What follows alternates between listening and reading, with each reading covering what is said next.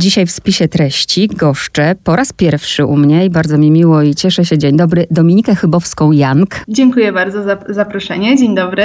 Dominika Chybowska-Jank jest tłumaczką i zanim powiemy w związku z jaką książką się spotykamy i o tej książce będziemy rozmawiać, to zbliża się Międzynarodowy Dzień Tłumacza, to jest już w piątek. To nazwisko Jank po pozwala mi domyślać się, że tutaj jakaś miłość wchodziła w grę, ale mieszka Pani w Polsce. Jeśli by Pani o sobie mogła zdradzić tak. Kilka słów, to będę wdzięczna. Na chwilę obecną mieszkam jeszcze w Polsce. Pracuję tutaj jako tłumacz w jednej z koreańskich firm, bo jestem absolwentką filologii koreańskiej na Uniwersytecie Adama Mickiewicza w Poznaniu. Mój mąż jest Koreańczykiem. Na chwilę obecną e, jestem jednak jeszcze w Polsce, aczkolwiek tutaj najbliższe lata najprawdopodobniej przyniosą zmianę pod tym kątem też. A poznaliście się w Polsce czy tam? Prawdę mówiąc, poznaliśmy się już bardzo dawno temu, to jest z 10 lat, e, pierwotnie przez internet po prostu. Ja byłam jeszcze licealistką, interesowałam się od zawsze językami, uczyłam się innych języków, więc też chętnie poznawałam ludzi z innych kultur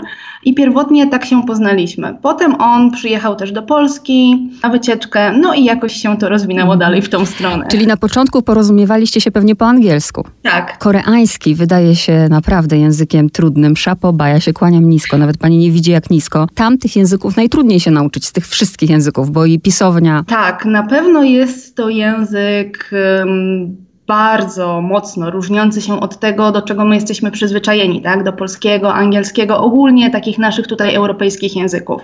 Bo pismo to jest jedna kwestia, ale też gramatyka jest tutaj zupełnie odwrócona do góry nogami, e, można by tak było powiedzieć. Tak? Wszystko, cały szyk zdania e, jest tutaj powywracany, więc na samym początku nauki dla wielu osób e, jest to naprawdę duży problem. Sprawia to wielką trudność, e, żeby opanować w ogóle tworzenie poprawnych zdań. Ale wbrew pozorom, szczególnie jeżeli chodzi tutaj o pismo, koreański nie jest y, tak straszny, ponieważ w przeciwieństwie do chińskiego czy japońskiego, y, gdzie mają całe te mm, ideogramy, mm, całe tutaj znaki oznaczające konkretne słowa, Koreańczycy używają po prostu alfabetu. To są literki, które oni zbijają w takie bloki sylabowe. Więc y, tak naprawdę, jak się tutaj przysiądzie, poświęci trochę czasu, to to pismo jest dużo łatwiejsze do opanowania niż może się wydawać tak na pierwszy rzut oka. Co innego, tak, tak ja myślę, porozumiewać się gdzieś tam z rodziną w jakichś e, kontaktach prywatnych, a co innego przetłumaczyć książkę. I już mówię Państwu, o jakiej książce będziemy rozmawiać. Mam nadzieję, że ja dobrze to przeczytam. Autor Hwang Song-yong. Hwang Song-yong, tak. Książka e, w moich rękach o zmierzchu to jest seria z żurawiem Uniwersytetu Jagiellońskiego. Bardzo mnie zawsze ciekawi, jak do tłumacza trafiają książki, bo czasem jest tak, że to tłumacz je znajduje i proponuje wydawnictwo. Jak było w tym przypadku? Powiem pani szczerze, e, że dla mnie to też jest zupełnie nowa sytuacja, ponieważ jest to mój pierwszy przekład. Ja tak naprawdę mm, studia skończyłam dwa lata temu. E, zaczęłam pracę w koreańskiej firmie, tak jak wiele osób po tym kierunku, ale od zawsze interesowałam się literaturą, e, uwielbiam książki, uwielbiam czytać i połączenie moich dwóch największych pasji, czyli właśnie języka i literatury, było od zawsze tak naprawdę moim największym marzeniem. I historia tutaj, mm, jak ta książka do mnie trafiła, jest o tyle ciekawa, że sama zobaczyłam w internecie, że jedno z polskich wydawnictw e, ma w planach wydanie pewnej koreańskiej powieści. Nie będę tutaj może mhm. konkretnie zdradzać, e, o jaką chodzi. W każdym razie z ciekawości chciałam sprawdzić, kto tutaj tłumaczył tą książkę, ponieważ tej literatury koreańskiej e, nie ukazało się w naszym kraju jeszcze aż tak wiele, żeby tutaj mieć w czym przebierać. I z reguły, przynajmniej do niedawna, tłumaczyły te książki te same osoby. Więc z ciekawości, żeby zobaczyć, kto tutaj tłumaczy, odkryłam, że niestety ta książka została przetłumaczona nie z oryginału, a z angielskiego tłumaczenia. Tak mhm. więc no, było to podwójne tłumaczenie, bardzo mocno z tego też powodu, oczywiście nie chcąc tutaj umniejszać e, pracy e, innych tłumaczy, tak? Pani, która to przetłumaczyła z angielskiego, na pewno e, wykonała tutaj świetną robotę, aczkolwiek samo to angielskie tłumaczenie już w jakiś sposób zostało przefiltrowane, okrojone. I ta sytuacja sprawiła, że sama zaczęłam pisać do różnych wydawnictw, proponując, tak, że tutaj ewentualnie, jeżeli mieliby w planach opublikowanie jakiejś koreańskiej powieści, to bardzo chętnie podjęłabym się współpracy, bardzo chętnie bym tutaj mogła dla nich coś przetłumaczyć i w ten sposób trafiłam właśnie na wydawnictwo Uniwersytetu Jagiellońskiego, które odezwało się do mnie, że mają akurat właśnie tą powieść e, i szukają osoby, która mogłaby ją przełożyć. To ja tym bardziej się cieszę, że mogę z Panią rozmawiać, jak to właśnie Pani pierwsze tłumaczenie. Dla mnie to ma znaczenie, jak właśnie widzę tłumaczenie z koreańskiego, a jak wiadomo, są różni tłumacze. E, tak. I, I czasem jest to książka trochę tłumacza. Jak też rozmawiam z różnymi tłumaczami, to mają bardzo różne doświadczenia, naprawdę. Są tacy, którzy kompletnie nie mają żadnego kontaktu z autorem, on tego nie chce, nie potrzebuje. Są tacy, którzy ciągle wysyłają jakieś pytania, a są tacy, którzy nawet się z autorami kłócą, bo tam gdzieś widzą jakieś jeszcze mhm. błędy. E, jak było w tym przypadku? Tutaj w tej sytuacji, jeżeli chodzi o, o zmierzchu, książka co prawda nie należy do najłatwiejszych, mhm. E, ponieważ o niej to autor, za chwilę. autor pisze mm, dość takim, nie tyle może skomplikowanym, ale rozbudowanym e, językiem. Ma taką tendencję do tworzenia bardzo długich zdań i co ważniejsze, bardzo mocno wplata tam też e, takie tematy historyczne, polityczne, więc samo tłumaczenie nie należało do najłatwiejszych, aczkolwiek te problematyczne kwestie nie były aż tak skomplikowane, mogłam je tutaj na spokojnie skonsultować z samymi e, Koreańczykami, tak, e, rodzimymi użytkownikami języka i udało mi się bez kontaktu z autorem jakoś te wszystkie takie nie do końca jasne sytuacje obejść. Co do samej fabuły, e, na szczęście większość faktów była na tyle logiczna i nie miałam tutaj żadnych wątpliwości, więc no, takiej konieczności akurat w tym wypadku nie było. I teraz, drodzy słuchacze, przechodzimy do Hwanga Song-yonga i uwaga, potencjalny kandydat do Nobla. Więc moje pierwsze pytanie jest takie, czy pani ma świadomość, co się w pani życiu wydarzy, jeśli on za, za parę dni dostanie Nobla? Trzeba się będzie gdzieś zaszyć i uciec, bo dziennikarze panią dopadną i po prostu to będzie trudne. No i dwa też, e, chciałabym, żeby pani właśnie odpowiedziała, m, dlaczego jest to potencjalny kandydat i o nim coś więcej, żebyśmy my, polscy czytelnicy, dowiedzieli się w ogóle, kim jest. Tak, o tym tym, że Hwang So-young ma szansę na Nobla, mówi się tak naprawdę już od dłuższego czasu. On już nie pierwszy raz jest wspominany jako ten kandydat. Powodów jest tutaj wiele. Sama jego literatura jest e, bardzo, bardzo specyficzna. Jest e, bardzo, tak jak tutaj już też wspomniałam, w jego pracach e, są wplatane różne wątki historyczne, różne wątki właśnie takie polityczne, więc szczerze mówiąc, bez znajomości jakiejś chociaż takiej powierzchownej historii Korei, bez jakiegoś takiego zagłębienia się tutaj w temat, Myślę, że niektóre z tych powieści mogą być naprawdę trudne do zrozumienia. Ciężko będzie się takiemu naszemu polskiemu czytelnikowi e, wczuć w to wszystko i odnieść się do całej tej sytuacji, no bo jednak um, Korea jest na tyle odległym krajem, że no nie oszukujmy się, wiedza wielu naszych rodaków jest raczej znikoma, jeżeli chodzi o tamte rejony. Z tego też powodu bardzo walczyliśmy tutaj mm, o to, żeby można było umieścić przypisy, e, bo były takie kwestie, które ja uznałam, że warto by jednak było w jakiś sposób rozwinąć, e, nakreślić tutaj jakieś tło dla polskiego czytelnika, tak, żeby wiedział, co się w tej Korei w danym okresie działo, chociażby masakra w Gwangju, tak? Te straszne protesty studenckie, podczas których zginęło bardzo wiele osób.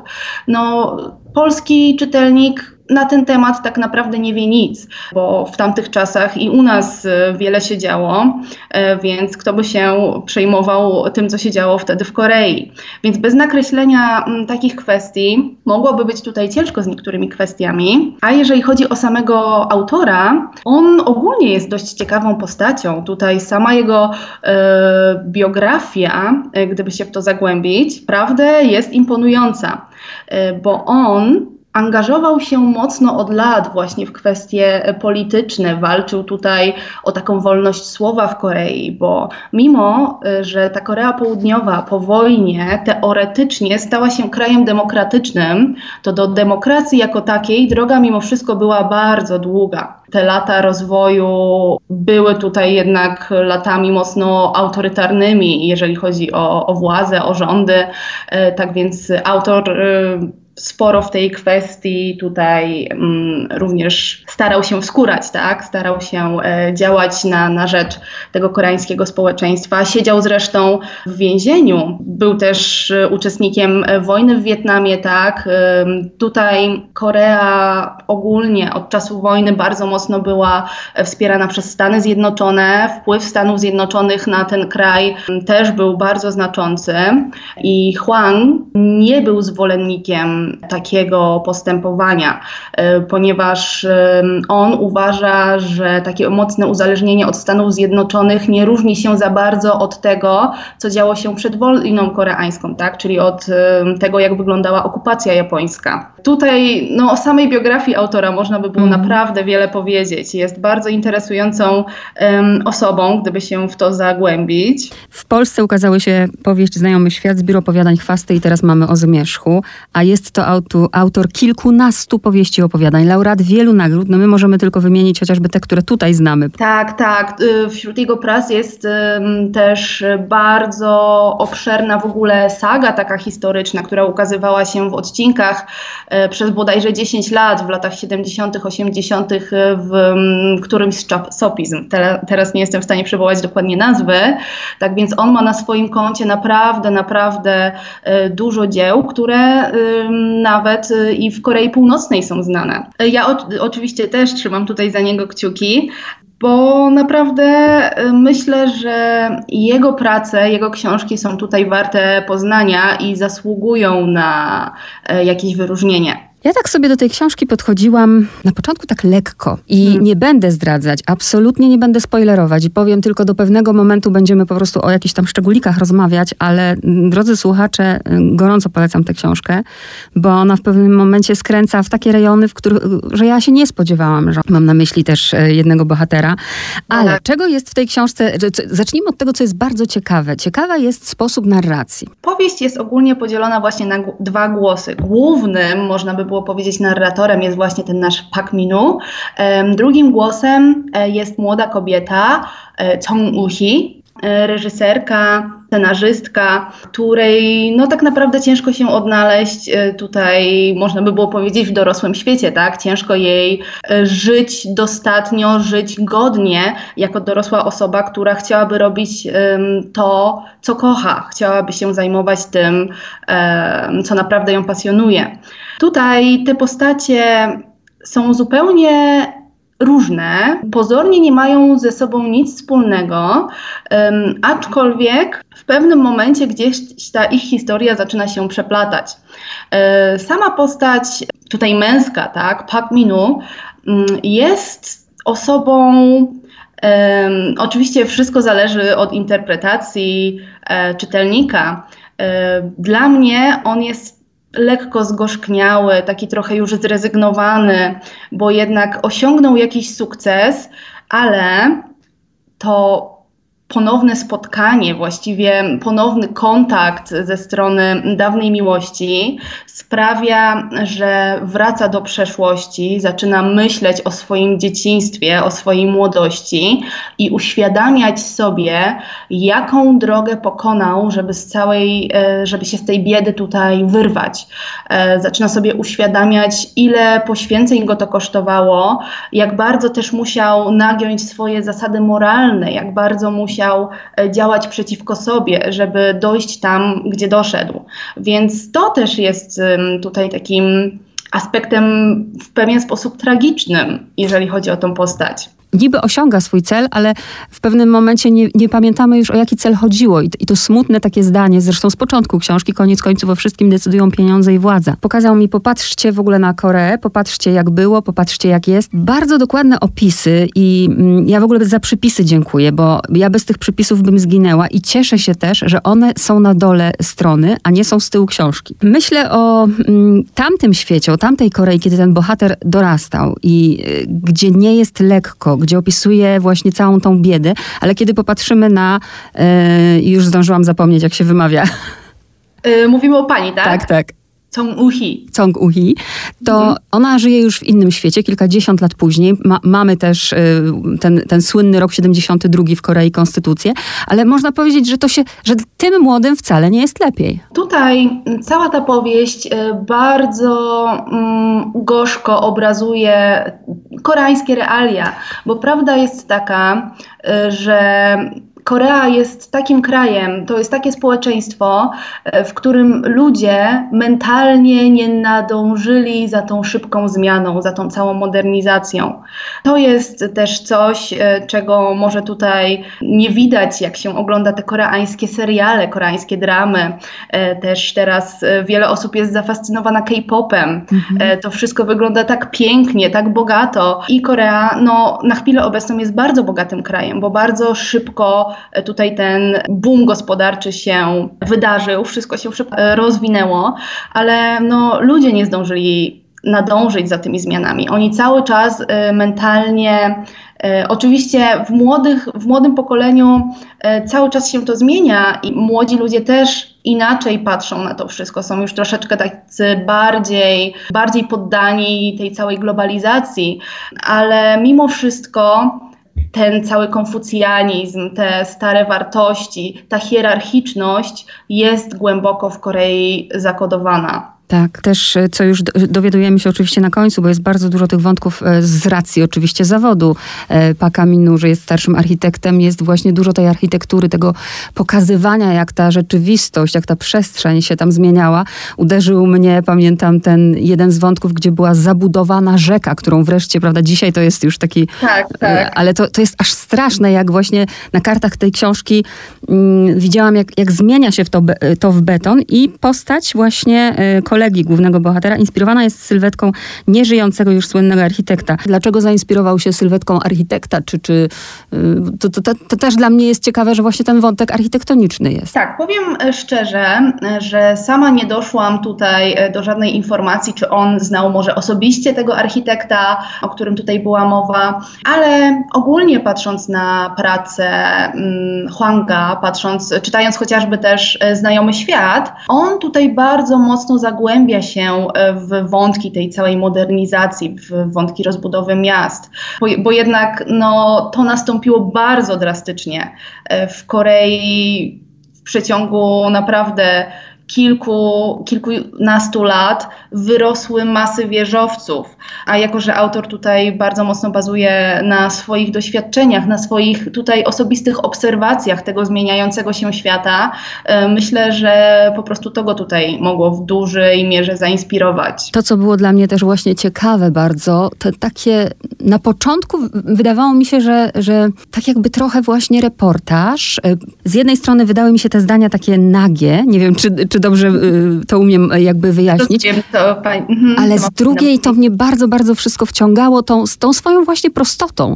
Czy on tak rzeczywiście pisze? Co, co pani sprawiało trudność jakby w tym? Yy, tak, powiem szczerze, że jeżeli chodzi właśnie o Huanga, on nie używa zbyt wielu takich, e, że tak powiem, fikuśnych wyrażeń, porównań. Nie używa tutaj żadnych metafor. To wszystko, co on pisze, jest tak naprawdę dosłowne. E, więc to jest też styl autora, jeżeli chodzi o taki język. On jest, no to słownictwo może y, ubogie, to niewłaściwe słowo, y, ale na pewno takie jest czyste, jak... takie nagie. Tak. Mhm. Ubogie nie, nie, właśnie. Tak, takie tak. proste, ale w tej prostocie takiej... Minimalistyczne, tak, tak, powiedzieć. Tak. E, I to, to się też mm, jakby pozwolo, pozwoliło mi zatrzymać yy, i tamten świat, który po prostu, którego nie ma i można powiedzieć, że on jako architekt przyczynił się do tego, że tego świata już nie ma. I taka zaduma. Ja nie chcę powiedzieć, że ta książka jest smutna, bo ona nie jest smutna, ale to o zmierzchu można no, dowolnie sobie interpretować w, te, w takim znaczeniu. Ja bym chciała, żebyśmy jeszcze się skupiły na jednym z wątków, bo jest bardzo piękny i bardzo romantyczny i też można powyciągać sobie jakieś wnioski. Powie, powiedzmy o nie do końca, nie zdradzając wszystkiego, historię tej tej niezwykłej miłości.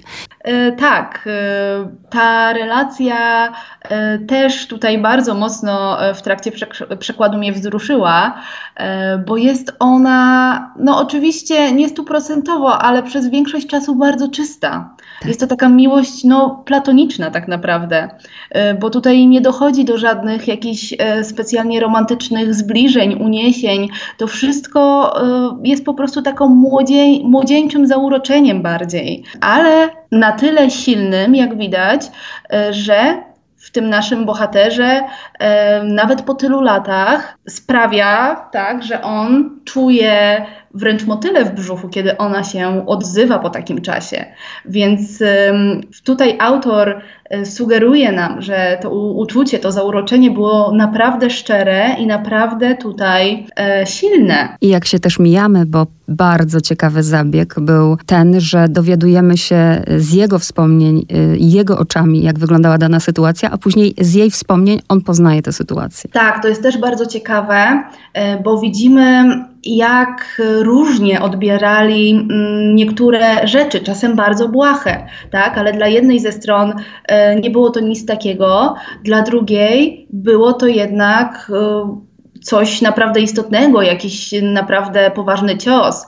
To jest też ciekawe, mm, kiedy Minu po latach uświadamia sobie dzięki jej e, zapiskom, że mógł tak naprawdę zranić ją nieświadomie, tak? Mhm. On nie miał świadomości przez lata. Tak, że tak, tak, właśnie było. Na koniec chciałabym Panią zapytać o to, co, co dla Pani, bo myślę też o tych, że rzeczywiście jak ktoś chce czytać tę książkę i nie wie niczego o Korei, to też może, bo może tak. ją czytać zupełnie pod innym kątem, ale też chciałam zapytać właśnie, co dla Pani było najważniejsze, bo Pani jednak z tą Koreą jest też związana. Tak, y, no dla mnie ta książka na zawsze na pewno pozostanie y, tutaj wyjątkową ze względu na fakt, że była moim pierwszym przekładem i na sam początek trafiłam na nie najłatwiejsze dzieło. Kwestią taką y, bardzo skomplikowaną, jeżeli chodzi o przekład, było też używanie gwary przez część bohaterów, których wspominał tutaj e, nasz bohater, tak? Te dzieciaki, które mieszkały razem z nich w, tym, w tych slumsach, posługiwały się taką mocną gwarą, która przysporzyła mi, powiem szczerze, wiele problemów, kiedy próbowałam rozszyfrować, co oni tak naprawdę chcą przekazać.